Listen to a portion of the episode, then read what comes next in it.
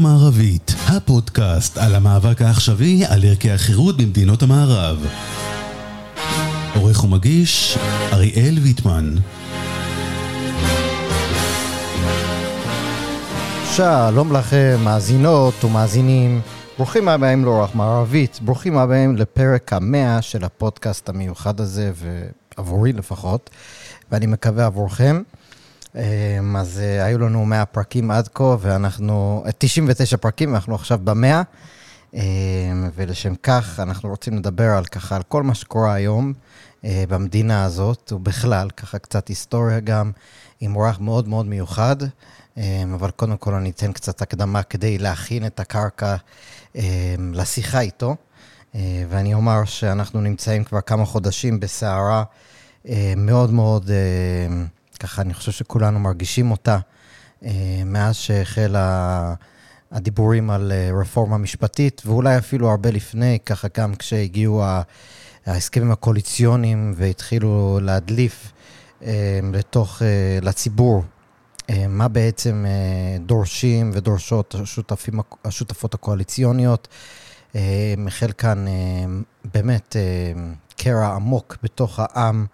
אה, ובתוך אולי אפילו העם היהודי, לא רק העם הישראלי, כי מדברים על כל מה שקורה כאן גם בחו"ל, אה, ולא רק כאן.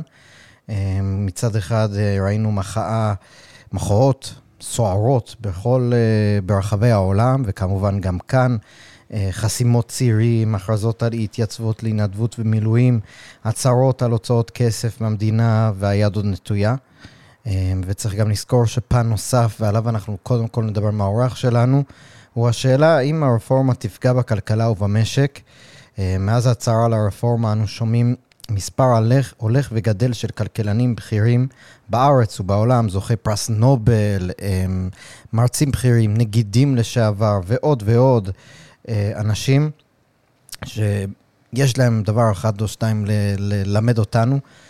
בארץ ובעולם קוראים לממשלה לעצור, כי לפי מה שהם אומרים, גם המחקרים שלהם, גם ניירות העמדה שהם מוציאים, גם uh, um, העובדות בשטח לטענתם.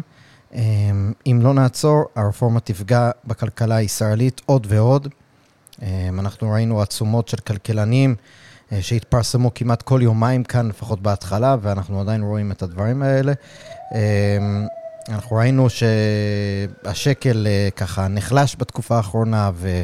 אה, בנק ישראל ככה בשקף מאוד מיוחד שלו עוד הראה איך שככל שמדברים על פשרה, אז השקל, ההיחלשות שלו נבלמה, וכאשר היה נראה שיש אה, עוד אה, מתיחות חברתית כאן, ושהממשלה הולכת עד הסוף, או המפגינים, או האופוזיציה מבטלת פשרות, אז ככה ראינו עוד, לא מגיע לשולחן, או לא יודע איך שתקראו לזה, אז ראינו עוד עליות ב...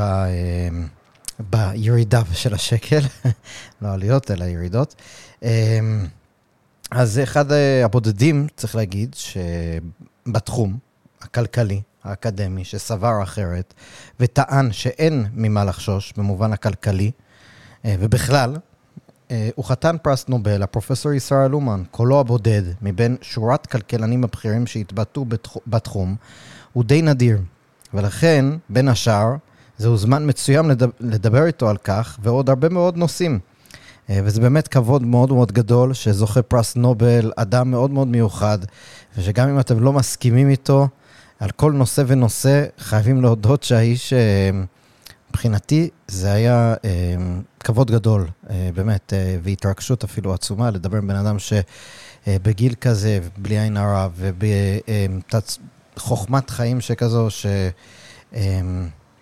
יודע על מה הוא מדבר, אז דיברנו אה, גם על אה, הרפורמה, גם על אה, הכלכלה הישראלית וגם על, על התיאוריה המחקרית, שמה הוא עושה, ועל המחקרים הנוכחיים שבימינו אנו הוא יושב וכותב באוניברסיטה העברית בירושלים.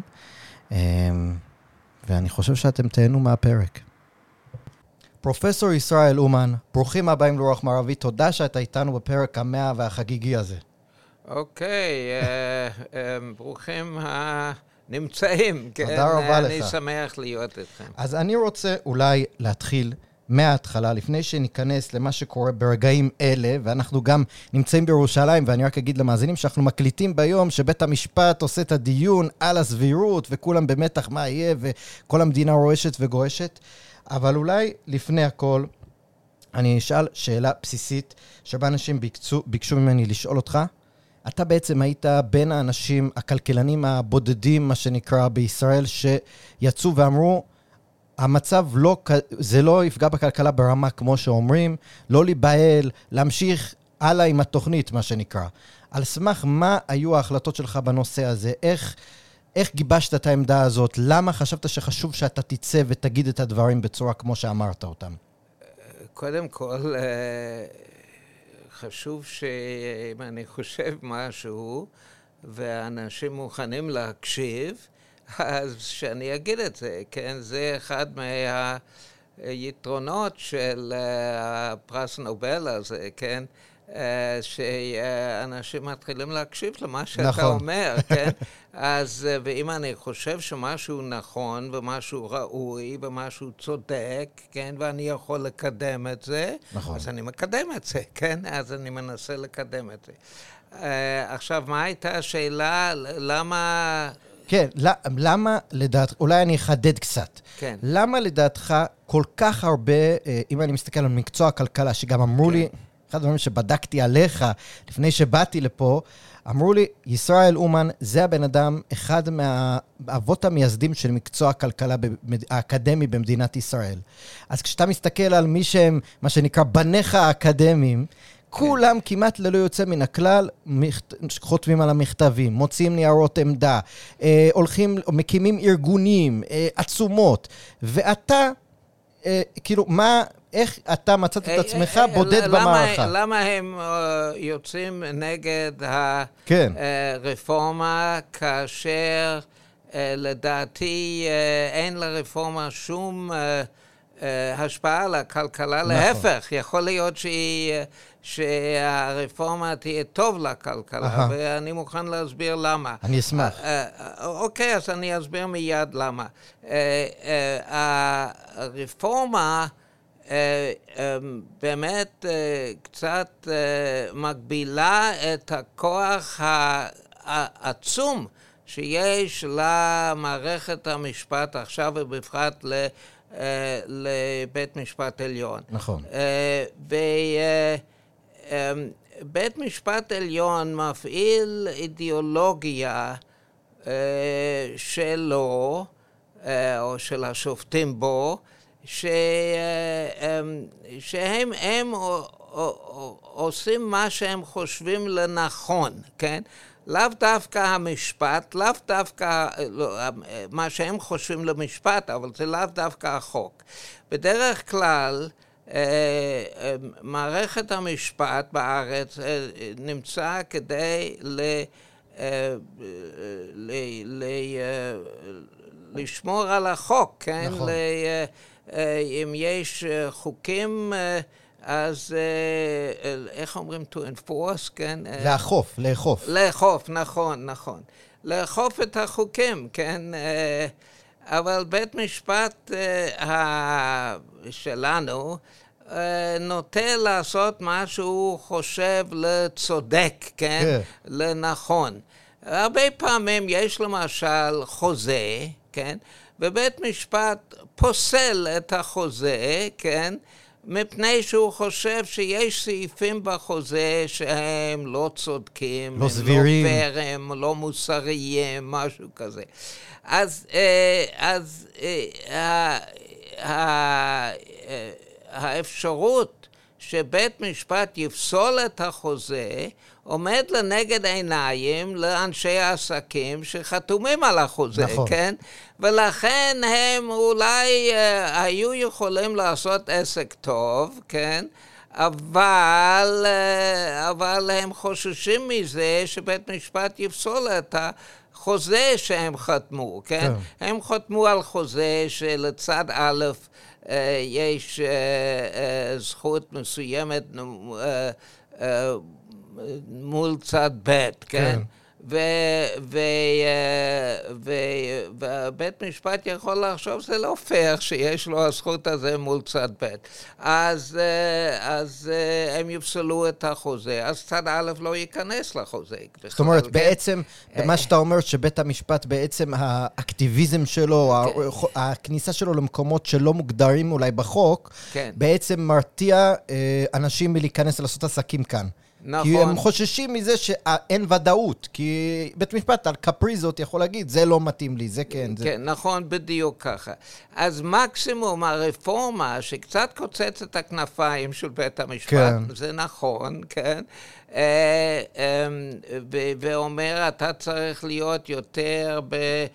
מה שהחוק אומר במילים של החוק, ולא הפירושים שלך של החוק, ולא להגיד שמשהו בלתי סביר, כן, זה בדיוק, כאן, כן? בדיוק. אה, אז אה, זה, זה אה, עשוי מבחינה מעשית להגביר את הכלכלה. את הוודאות כן? העסקית. להיות טוב לכלכלה.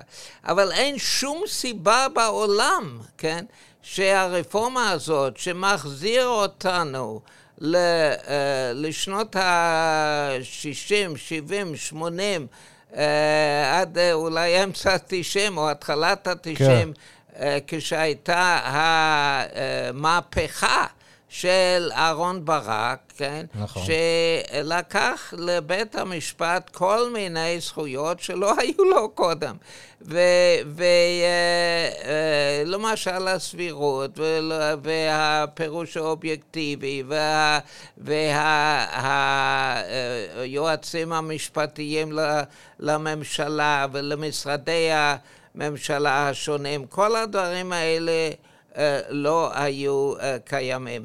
ו, ו, אמ, ו, וזה בא להחזיר את עטרה ליושנה. וזה יכול להיות uh, מעשית, אובייקטיבית, זה יכול להיות רק טוב לכלכלה.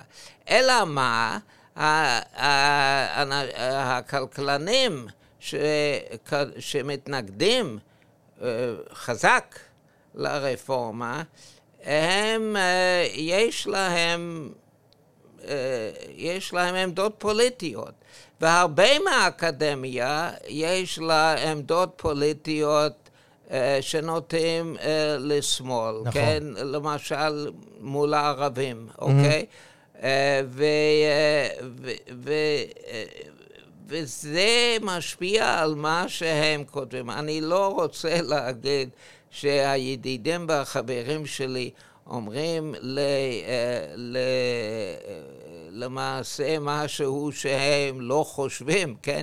אבל הם, הם, הם, הם מושפעים על ידי הדעות הפוליטיות שלהם, שאין לזה שום דבר עם כלכלה. עכשיו, מה, מה הם אומרים?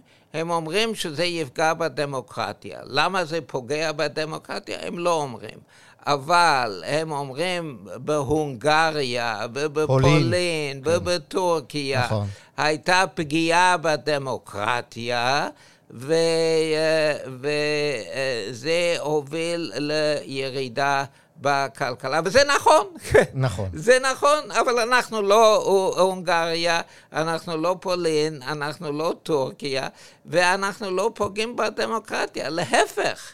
להפך, אנחנו, הרפורמה באה להגביר את הדמוקרטיה, מפני שהדמוקרטיה, אה, נכון שחלק מהדמוקרטיה וחלק חשוב של הדמוקרטיה הוא אה, אה, לשמור על זכויות הפרט, כן. אבל יש גם משהו, עוד משהו, וזה שהעם והנציגים של העם שנבחרים לכנסת, הם קובעים את המדיניות, נכון. ולא uh, uh, למעשה פקידים uh, מנויים. שזה השופטים, הם, הם, הם לא, וגם היועצים לא המשפטיים וכולי. זאת אומרת, לא רק שופטים, יועצים משפטיים למשרדים, אומרים לשר נכון, מה לעשות נכון, וכולי. ש... גם שופטים וגם יועצים משפטיים למיניהם, הם כולם אנשים שהעם לא בחר אותם. והם היום, היום, אה, זה, הם אה, שולטים על המדינה. זה, זה למעשה אה, מלוכה. כן. כן? זה לא דמוקרטיה, זה מלוכה. זה מלוכה לא רק במובן של... של, שהם צריכים ל, ל, לעשות מה שהם אומרים, כן? זה דיקטטורה, אפשר להגיד, דיקטטורה או מלוכה, כן? צריכים לעשות מה שהמערכת המשפט אה, אומרת. ו... אבל זה גם, גם במובן אחר זה מלוכה, מפני שהמלך מעביר את השלטון לצאצאים הביולוגיים שלו. כן. נכון? עכשיו, השופטים אולי לא מעבירים את השלטון לצאצאים הביולוגיים, אבל לצאצאים האידיאולוגיים שלהם. איך הם עושים את זה? הם, יש להם השפעה מכרעת בוועדה, בוועדה למינוי שופטים. כן. אז, אה, אז הם, הם, זה כמו מלוכה, זה בכלל לא דמוקרטיה. אה, עכשיו, כן? ואנחנו, הרפורמה באה להגביר את הפן הדמוקרטי. עכשיו, אה, כן, זה, זה אה, מה שקורה. אני רוצה לשאול אותך לחדד נושא, קודם כל, רק אם אני מבין נכון, בעצם אתה אומר שנקודת המוצא של הכלכלנים פשוט שגויה בעיניך. כי הם בעצם טוענים שתהיה, הם יוצאים מתוך נקודת הנחה שהרפורמה הזאת תפגע בדמוקרטיה, זאת אומרת, כן. זה האקסיומה, כן. ועל סמך זה הם כבר קבעו שאם היא תפגע, אז, אה, אז הכלכלה תיפגע וכולי. אבל אתה אומר בכלל, לכאורה, אין כאן, לא תהיה כאן פגיעה בדמוקרטיה, אז ממילא אין סיבה שהכלכלה תיפגע. אני הבנתי אותך נכון בגדול את הטיעון המרכזי. בדיוק, כן, הבנת אותי אוקיי, נכון. עכשיו, אתה יכול להבין אנשים שבעצם... אה, חוששים מאוד, זאת אומרת, הם הורגלו לשיטה מסוימת, נקרא לזה ככה, הם רגילים שלבית המשפט פה יש אה, כוח לפסול חוקי אה, על סמך סבירות, אה, תקנות ממשלתיות. הם רגילים שמינויים, אה, בית המשפט יש לו oversight על זה. הם רגילים שחוקים שלא יודע, מסתננים למשל, בית המשפט פסל שלוש פעמים את החוק על המסתננים. פתאום אומרים להם, לא בהכרח יהיה לבית המשפט את הכוח הזה, לרוב לממשלה, לכנסת, תהיה כוח עליון, אפשר להגיד, או כוח אה, שווה. אתה יכול להבין אנשים שחוששים, זאת אומרת, מבחינה רציונלית, הם פתאום, הכללי משחק שלהם משתנים מול העיניים שלהם. כן, אני יכול להבין, אני יכול להבין אותם, אבל, אה, אבל, אה, אבל הם טועים, כן, הם טועים. אה, אה, סך הכל, אני, אני מבין את זה מפני שיש אנשים צעירים שלא היו כאן בימים הטובים של הדמוקרטיה, שהייתה אה, ב, ב, ב, בשנים, בעשורים הראשונים של המדינה, עד המהפכה של ברק, כן? Mm-hmm. של אהרון ברק. לא המהפכה החוקתית. ו... אבל אין שום סיבה לחשוש, כמו שהיה אה, דמוקרטיה אז, אה, תמשיך להיות דמוקרטיה, וכפי שאני מסביר, אה, דמוקרטיה אפילו יותר טובה, כן, כן? יותר טובה, וכמו שאתה אומר, צריך להיות איזונים ובלמים על הכנסת מצד מערכת המשפט, אבל צריך להיות גם איזונים ובלמים מצד הזרוע המחוקק על מערכת המשפט, כן. כן? זאת אומרת, זה צריך להיות דו-צדדי, זה לא צריך לבוא, זה לא יכול להיות דיקטטורה של מערכת המשפט. היום יש לנו דיקטטורה של מערכת המשפט. אני רוצה לשאול אותך עכשיו שאלה שהיא קצת יותר, במומח... זאת אומרת, זה ממש המומחיות שלך, תורת המשחקים. כן. אנחנו נמצאים כבר חודשים שלמים, מאז ינואר, שהממשלה בעצם באה והציגה בפני הציבור את הרפורמה, במין דדלוק ציבורי מטורף. אני, אתה חי פה יותר שנים ממני, אז אתה יודע להגיד אם היה לנו דבר כזה אי פעם, אני לא זוכר אה, קושי חברתי, אה, קיטוב כל כך גדול כמו שהיום. כל צד מרגיש שהצד השני בעצם הולך עד הקצה. זאת אומרת, אלה הצד של אה, תומכי הממשלה אומרים, המוחים שוברים את כל הכלים, הם מסרבים להגיע למילואים, הם מאיימים להוציא כסף מהמדינה, הם מאיימים uh, לעשות דברים שאנחנו uh, בעבר לא חשבנו שבכלל אופציות. ומצד שני, uh, כמו שתיארנו עד עכשיו, האלה שמפחדים מהרפורמה, אומרים זאת מהפכה והדמוקרטיה בסכנה וכולי. זאת אומרת, יש לנו שני צדדים שבעצם... מסתכלים אחד על השני באימה, אה, זאת אומרת, כל אחד חושש שהשני שובר את הכלים. איך בעצם אפשר להגיע לאיזה הודנה, איזה, איזה הפסקת אש, כאשר אף צד גם אין לו אמון אחד בשני? האמת שאני לא יודע. באמת, תורת המשחקים כן. אמ, פועלת כאשר יש כללי משחק, כן. והיא פועלת הכי טוב כאשר יש כללי משחק. לצערי, כאן אין כללי משחק, מפני שחוקה לא נכתבה, אה, אמ, אין, אין למדינת ישראל, זה אחת מהמדינות הבודדות בעולם, נכון. שאין לה חוקה, כן? אולי המדינה הבודדת בעולם, שאין לה חוקה. זאת אומרת, המשחק הוא לא מוגדר, כן? ואני חושב שבסופו של דבר, אה, ההכרעה תהיה בידי אה, משהו שאנחנו לא מאוד אוהבים שיהיה. שמה? ש... אבל ההכרעה תהיה בידי המשטרה והצבא.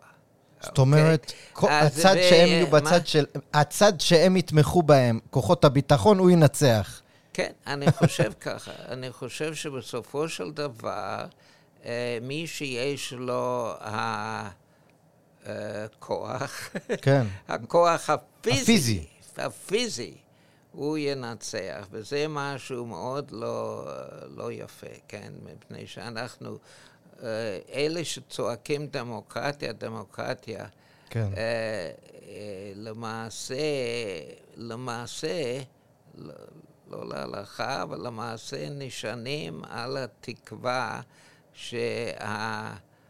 התקווה שהיא נראית לי די מבוססת, שהצבא איתם. איתם, או, או המשטרה איתם. זה לא משנה ששר המשטרה זה בן גביר, נכון. אין לו הכוח. הכוח הוא בידי המפכ"ל, בידי הקצינים הגבוהים במשטרה. וזה לא משהו יפה לחשוב עליו, אבל זה מה, ש, זה מה שקורה.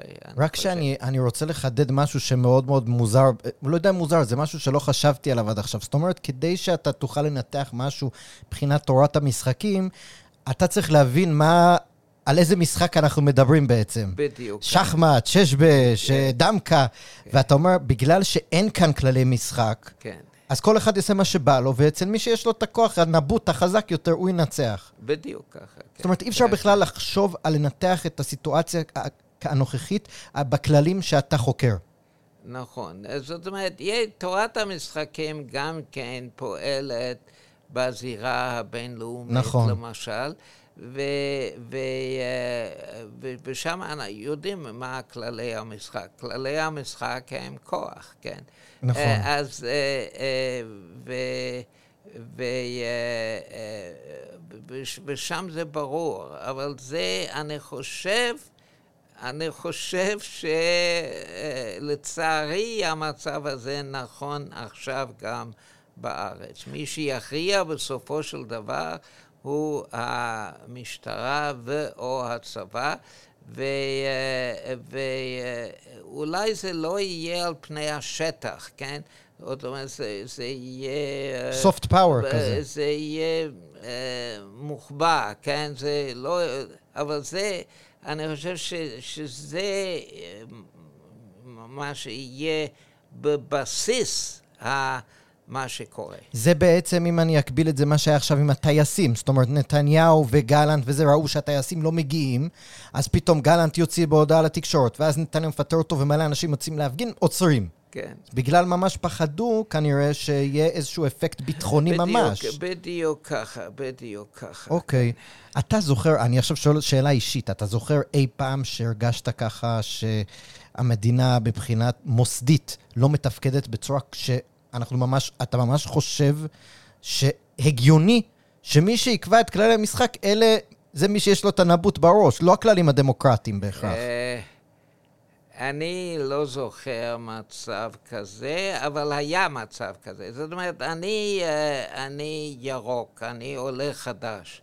אני עליתי רק לפני 67 אה, שנים. כן? רק? ב- ב- זה עכשיו מתקרב, אני עליתי ארצה ב- ב- ב- אחרי סוכות בשנת 1956, שזה עכשיו 67 אה, שנים, או 66 שנים. 66 שנים. אז uh, אני לא הייתי שם, אבל היו, היו uh, דברים מעולם, כן. כן. היו, למשל, היה ב, במאבק לעצמאות, נכון. היה הגנה והיה הארגון, האצ"ל, כן? כן. הארגון הצבאי. אלטלנה וכולי. בגין, כן. ו, אה, והגיעו קרוב מאוד לעימות אלים. צבאי. צבאי בין שני הארגונים האלה. אה, ולא רק קרוב מאוד, ממש הגיעו לזה. נכון. זאת אומרת, באלטלנה, באלטלנה אה, ההגנה ירתה על האלטלנה, ירתה על... אה, על יהודים? על יהודים שקפצו לים מאלטלנה, נכון. שהיו בים, ומשם. ירתה עליהם, הרגה אותם, נכון. וזה היה... ומה שקבע שם היה הכוח. עכשיו, מנחם בגין החליט בזמנו להרים ידיים. רק לא מלחמת אחים. פשוט להרים ידיים, להגיד, אני לא אשתתף אני לא אעשה אה, מלחמת אחים, נכון. מלחמה אזרחית. הוא אמר את זה, אבל הוא אמר את זה גם כן, לא רק מבחינה עקרונית, כן? לא רק מתוך רוחב נפש, לא רק מפני שהוא לא רוצה להרוג יהודים. נכון. גם זה, זה היה חשוב, אני חושב. אבל מה עוד? במחשבה שלו זה היה חשוב. אבל גם כן ההגנה היה לה הרבה יותר כוח. זאת אומרת, הוא ידע שגם גם אם כן, גם לא אכפת לו מלחמת אחים, הוא יפסיד, אז עדיף לו ל... כן, כן, כן. כן. אז היו דברים מעולם. ואחר כך, אני חושב, בשנות ה-50 המוקדמות, לפני שהגעתי ארצה, כן. אה, היה הקרע הגדול בין מפא"י ולאחדות לעבודה. כן.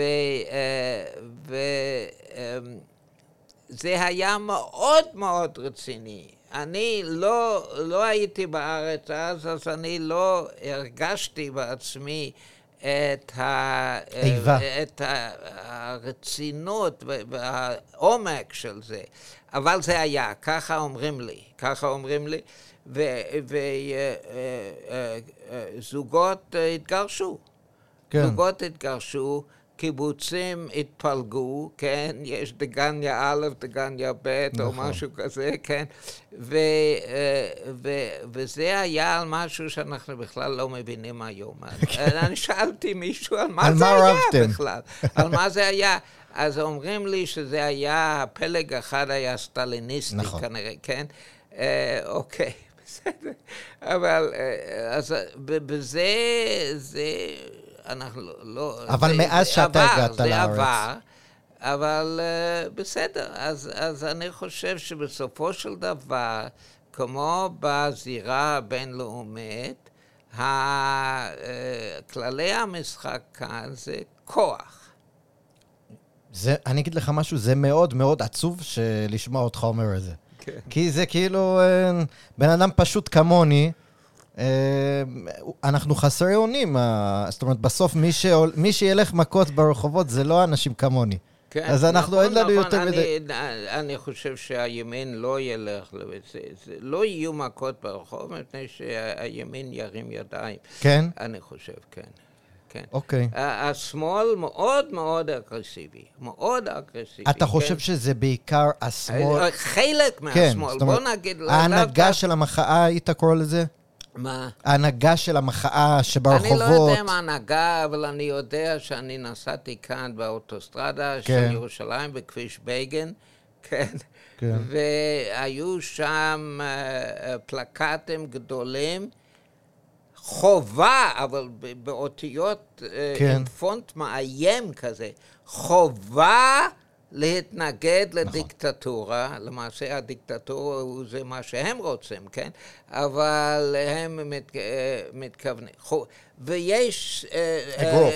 אגרוף. כמו כהנא, לפעמים חשבתי על זה. כן, כמו האגרוף של כהנא, בדיוק ככה. ויש אגרוף. ו...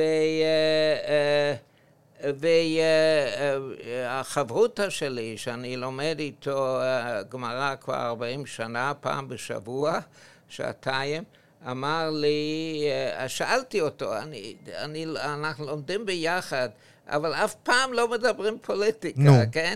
אז שאלתי אותו, איפה הוא עומד? אחרי השיעור הקודם, שאל, איפה אתה עומד על ברפורמה? אז הוא אומר שהוא ראה, הוא עבר ברחוב והוא ראה מישהו שמחזיק שלט דמוקרטיה אומרת. כן. דמוקרטיה אומרת, כן. Uh, ועכשיו ראיתי מייל שמישהו הפיץ שמבקשים מחברת אל על להפסיק ל, לפרסם בערוץ 14. כן. כן?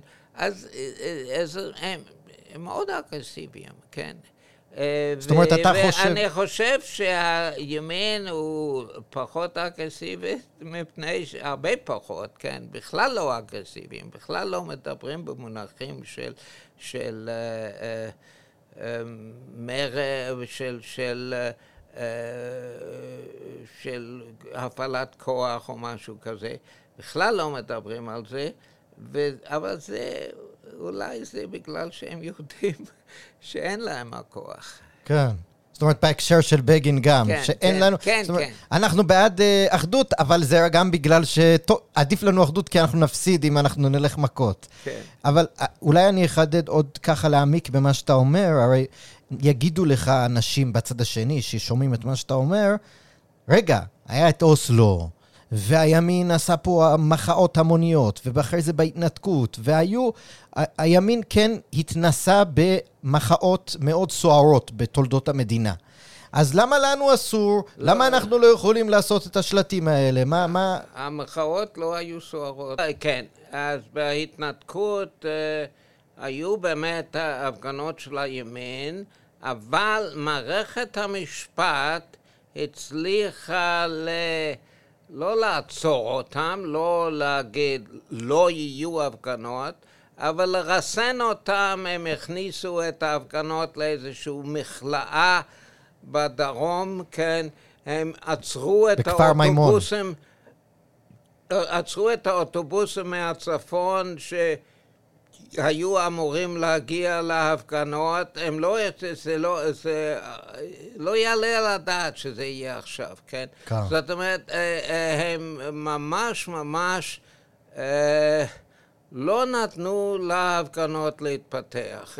לא היו הפגנות סוערות. אני, הפגנות שהיו, היו מאוד אה, נכון ש, שאנשים הביעו את דעתם בצורה מאוד מורגשת, אבל זה היה, זה היה לגמרי מסודר, זה לא, לא חסמו שום כבישים, לא חסמו שום שדות תעופה, אה, או זה, זה, והכניסו אותם ממש מכלאה עם גדר בדרום. אז...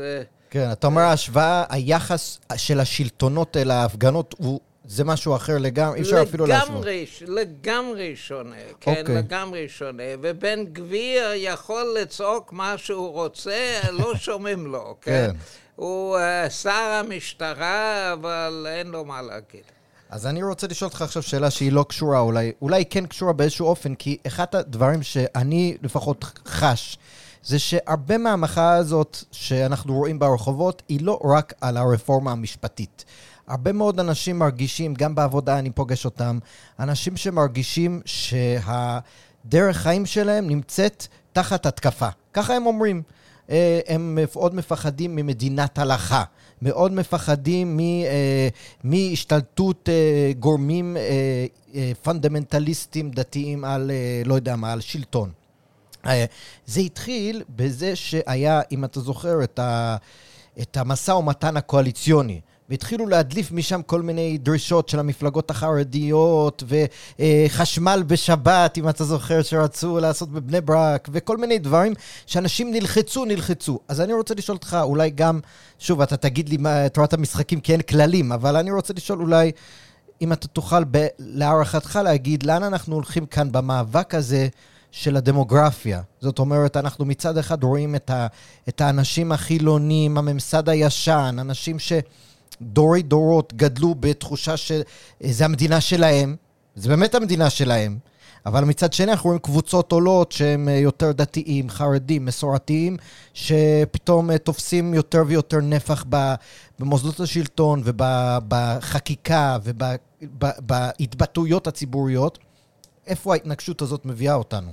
טוב, אז קודם כל אני רוצה להעיר שהממשלה הנוכחית שהיא מורכבת מליכוד, מהציונות הדתית, זאת אומרת סמוטריץ' ובן גביר, והחרדים, האשכנזים והחרדים הספרדיים. הממשלה הנוכחית הזאת, נכון שהיא לא צרה צרה, יש לה 64 חברי כנסת, אבל בלי כל אחד מהמרכיבים של הממשלה היא תיפול. נכון. זאת אומרת, אה, למעשה אה, נתניהו הוא בידיים של כל אחד ממרכיבי הממשלה, כן? כולל החרדים. ומי אשם בזה? מי עשה את זה? מי, עשה, מי גרם, וכאן כן נכנס תורת המשחקים, כן. מי גרם לכך שהממשלה תיראה כמו שהיא נראית? זה שהמערכת הבחירות בנובמבר 22 לא היה על אה, מעשים uh, על מדיניות.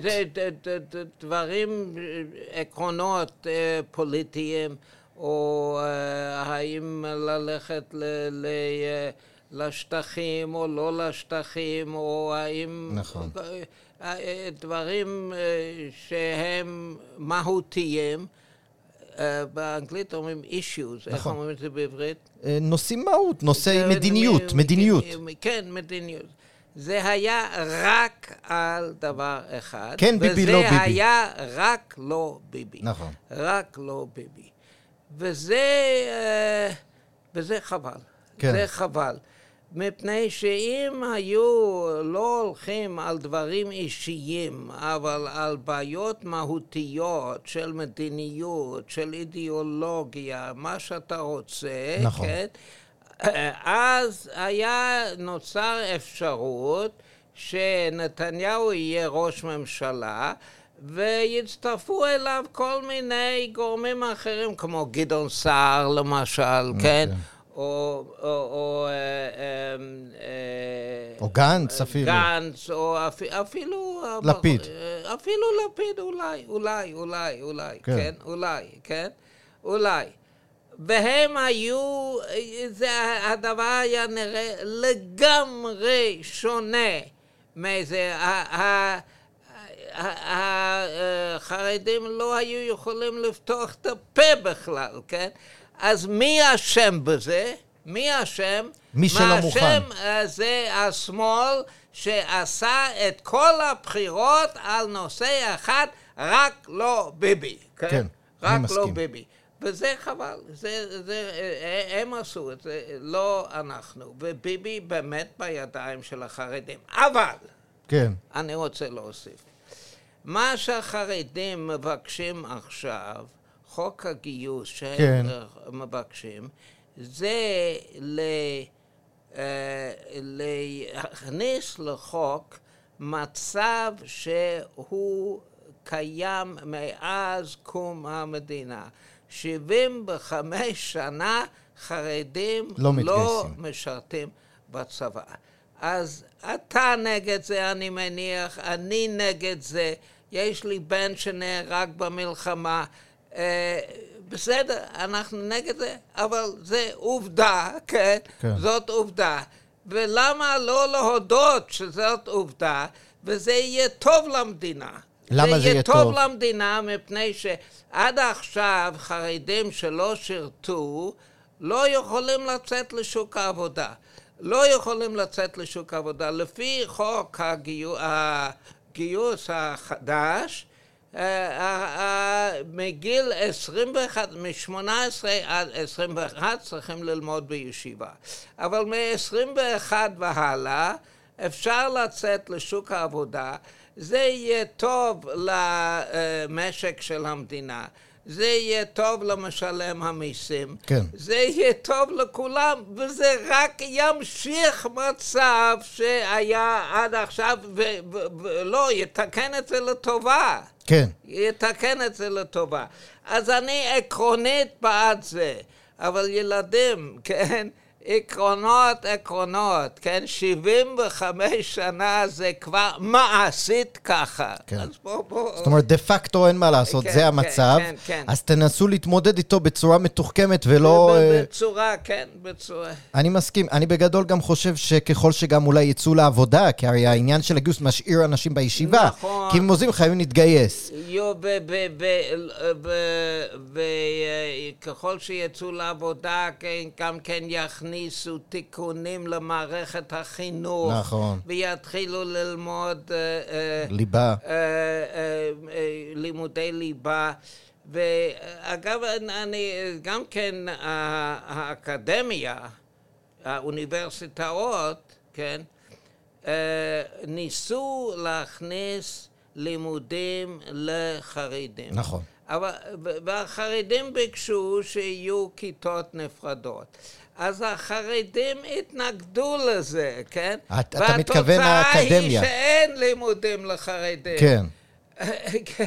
זאת אומרת, זה, זה, זה, זה המחשבה העקרונית הזאת, כן, כן, מקלקלת את השורה לגמרי. כן, אני רק מתקן אותך, מי שהתנגד לזה היה האקדמאים עצמם, כן. שהתנגדו ועתרו כן. לבג"ץ, והיה סיפור כן. על זה, ואמרו שתואר ראשון כן בהפרדה, תואר שני כבר לא, וכל מיני קונצים, שזה גם מונע ממי שרוצה להתקדם באקדמיה ולהשלים תארים מתקדמים יותר, וכולי. אז, אז אני אומר, בוא נהיה מעשיים, כן? כן. לא רק עקרונות. עקרונות נכון. זה יפה מאוד. מאוד, אני גם כן מתנגד עקרונית, כן? כן. אבל 75 שנה, ילדים, יאללה. כן. נכון.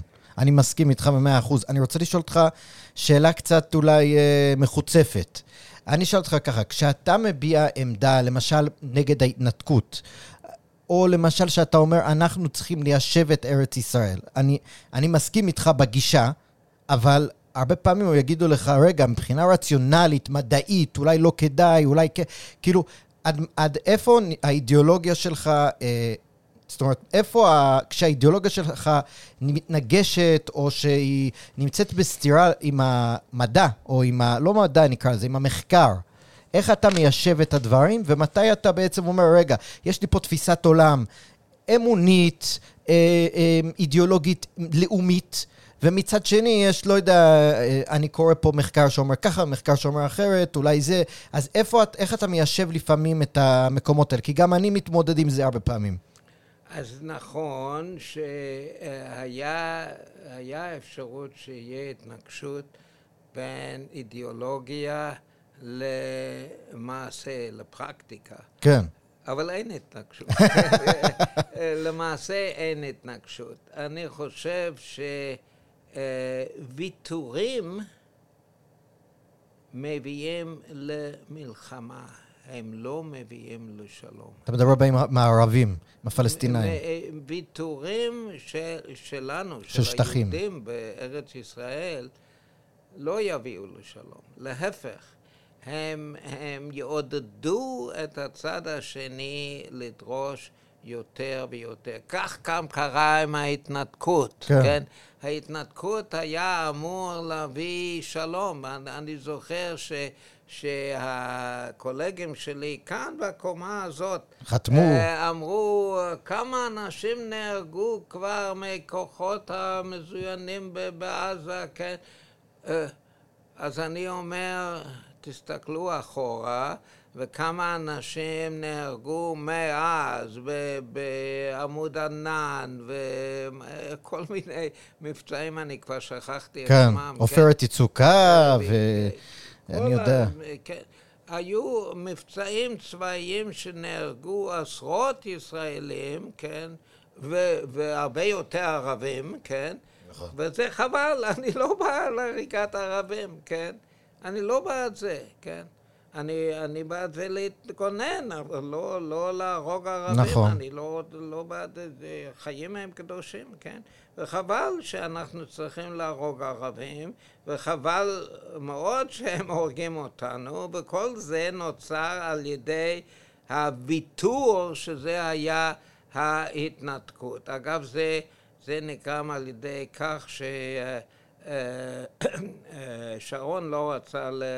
הסתבך עם המשטרה. כן, כן זה כן. כעומק החקירה, עומק כן. הנסיגה, כל הדברים האלה. אז אה, זה, זה, היה, אה, זה היה הסיבה האמיתית לה, אה, לגירו, להתנתקות, שאני מעדיף לקרוא לו גירוש. כן. זו הפעם הראשונה היהודים גורשו מהרבה מדינות בהיסטוריה, הם גורשו מספרד, מאנגליה, מפורטוגל וכל מיני מקומות גורשו, אבל זו הפעם הראשונה שיהודים מגרשים את עצמם.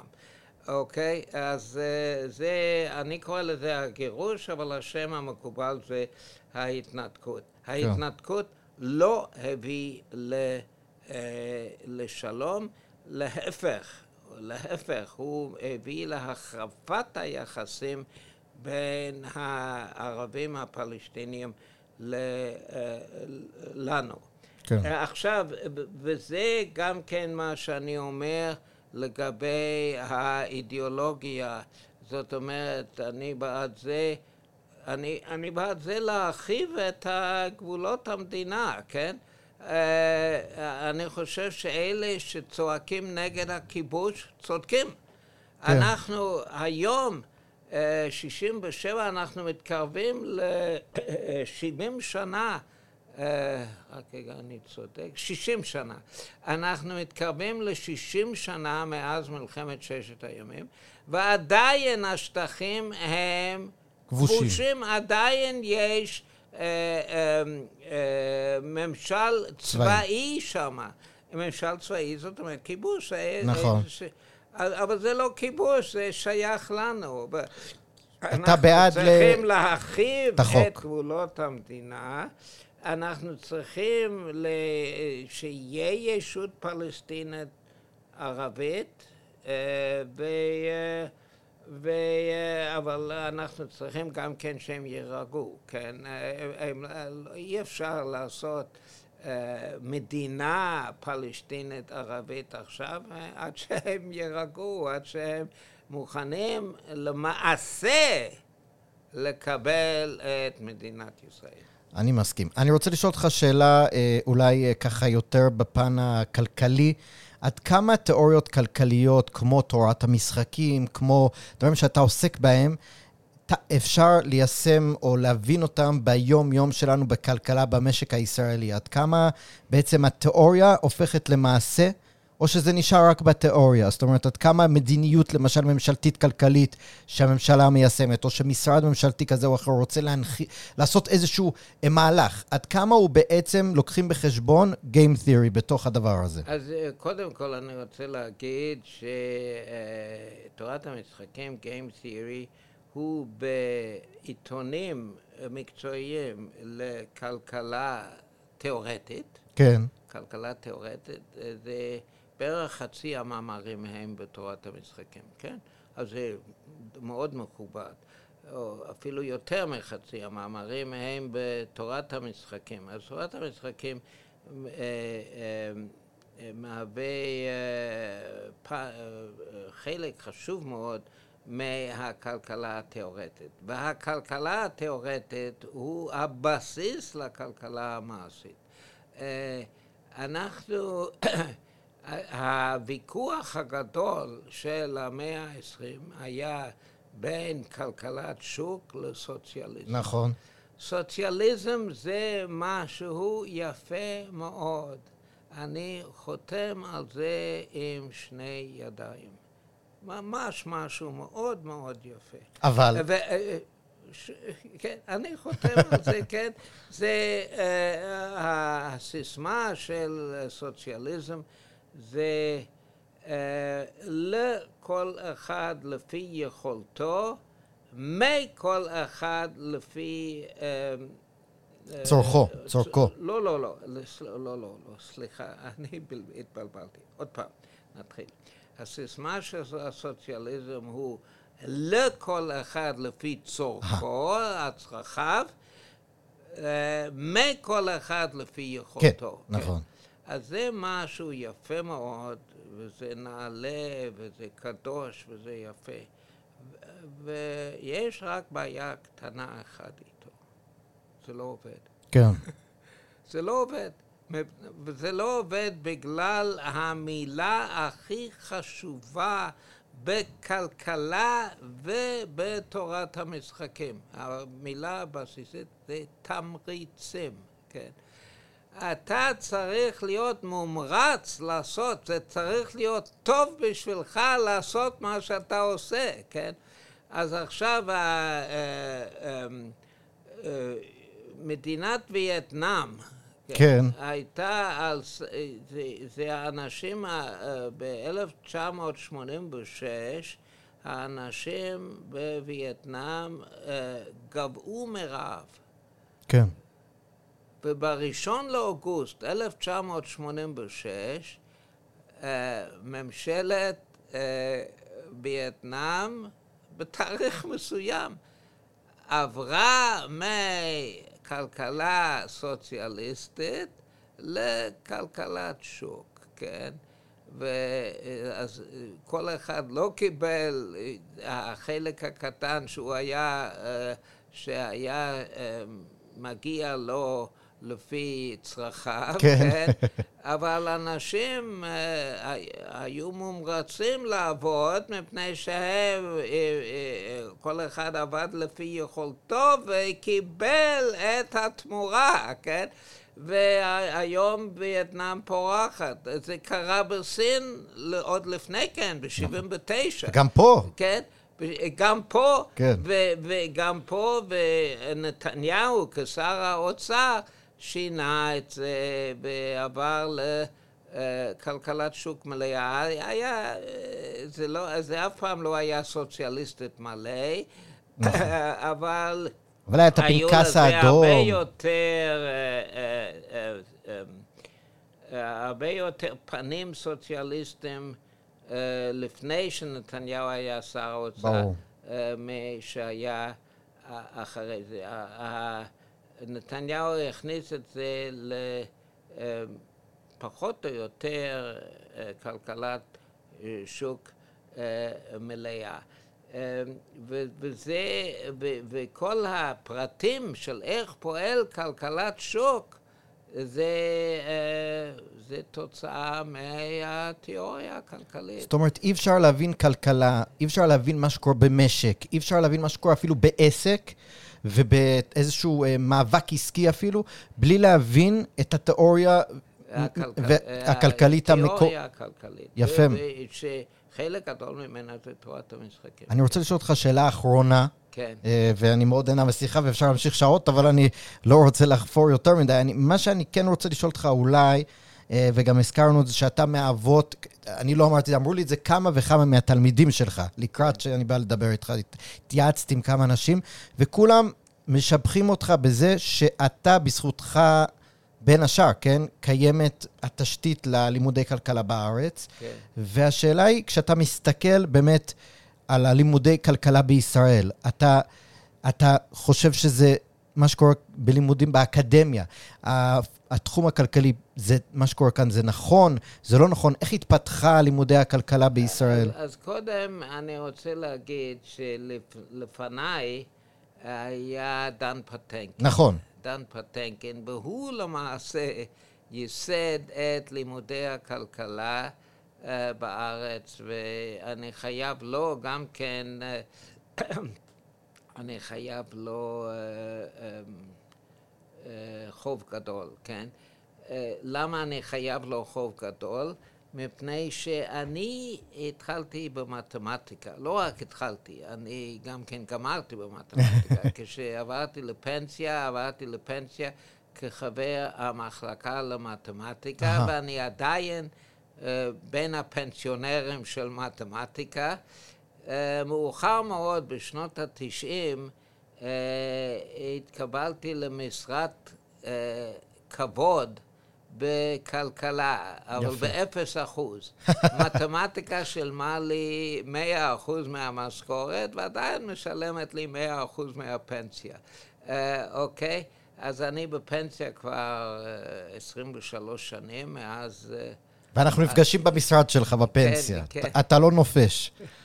אז... Uh, ומה שאני חב חוב גדול לפטנקין הוא שהוא פתח את זרועותיו, למרות שאני לא הייתי מהתלמידים שלו, mm-hmm. לא הייתי מהתלמידים שלו, לא למדתי כלכלה, הייתי uh, uh, חבר סגל במתמטיקה, ו, ו, אבל כתבתי מאמרים שעשו רושם בעולם הכלכלי. אה, ופטנקין פתח את, ה, את השערים של עולם הכלכלה אה, לי והזמין אותי לתת סמינרים בכלכלה.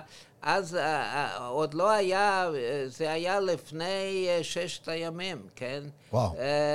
אז, אה, והוא הזמין אותי לתת סמינרים, אני זוכר את זה כמו היום. פה באוניברסיטה העברית? בעיר, לא, לא, לא פה, זה היה בעיר באיזשהו מקום, כן? אה, על יד הדואר המרכזי בעיר, משהו כזה. ונתתי שם, זה, והוא הכניס אותי ל... ל לתחום. ל, ל, האקדמיה הכלכלית בארץ. אז, אה, אז אני חייב לו זה. אז אני צריך להגיד, אני די מבסוט ממה שקורה בכלכלה בארץ, אבל אני לא עוקב על זה. אבל במבט שטחי אתה אני, בסדר. אני, כאן, כאן במרכז לחקר הרציונליות, שהוא מבוסס על תורת המשחקים, אני... גם, אפילו כאן אני לא יודע מה הולך, כן? אני, אה, אני עסוק, אה, אה, אני עסוק בכל מיני דברים. קודם כל בלתת פודקאסטים, כן? ושנית במחקרים שאני עדיין... שאני עדיין אה, מנהל בעצמי. אז אולי ככה, לפני שאנחנו מסיימים, תיתן לנו איזה, אם יש לך כוח, או, או אם זה לא סודי, תן לנו איזה, אה, איזה ג'וס, איזה משהו מעניין על משהו שאתה עכשיו חוקר. אז אני חוקר בשני כיוונים.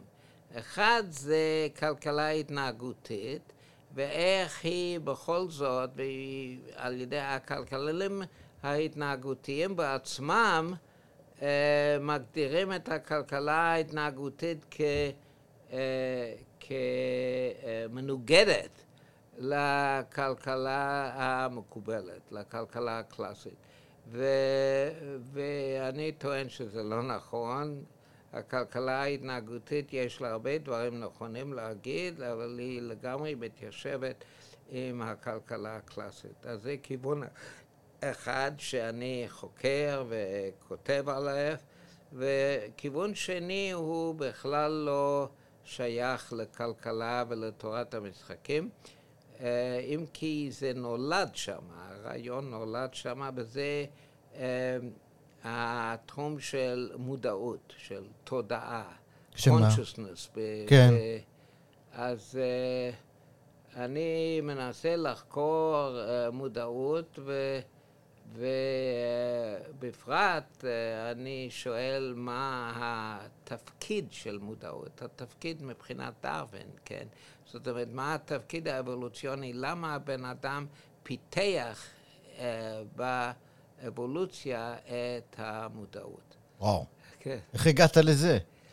הגעתי לזה מתורת המשחקים, האמת.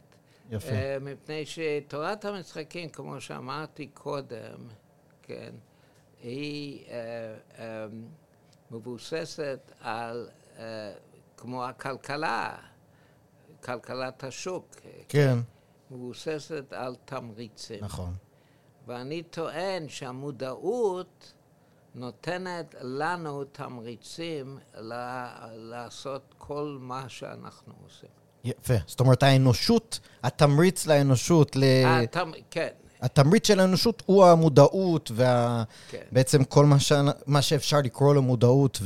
אבל, לא יודע... המודעות ממריצה אותנו. אנחנו רוצים לעשות דברים מסוימים. נכון. כל אחד מאיתנו. אוקיי. יפה. פרופסור ישראל אומן, היה תענוג, כיף גדול, וכיף גדול, ותודה רבה שהזמנת אותנו למשרד שלך באוניברסיטה. אני אמרתי, בטח הוא בבית, בפנסיה, וזה, תבוא לאוניברסיטה, אני פה מסיים איזה מחקר ונדבר. אז אני מודה לך מאוד, היה כיף גדול, וגם אתה קול שחשוב לשמוע אותו, גם אם לא מסכימים, כן מסכימים, להבין מאיפה אנשים כמוך באים, זה, אני חושב, דבר שהוא קריטי. אז המון המון תודה לך, המון המון תודה לכם, מאזינות ומאזינים שהייתם איתנו. אתם יכולים למצוא אותנו במגוון פלטפורמות, ב Spotify, Apple Podcast, Google Podcast, בעוד אה, הרבה הרבה פלטפורמות, ואנחנו נשתמע בפרק הבא. תודה רבה לכם.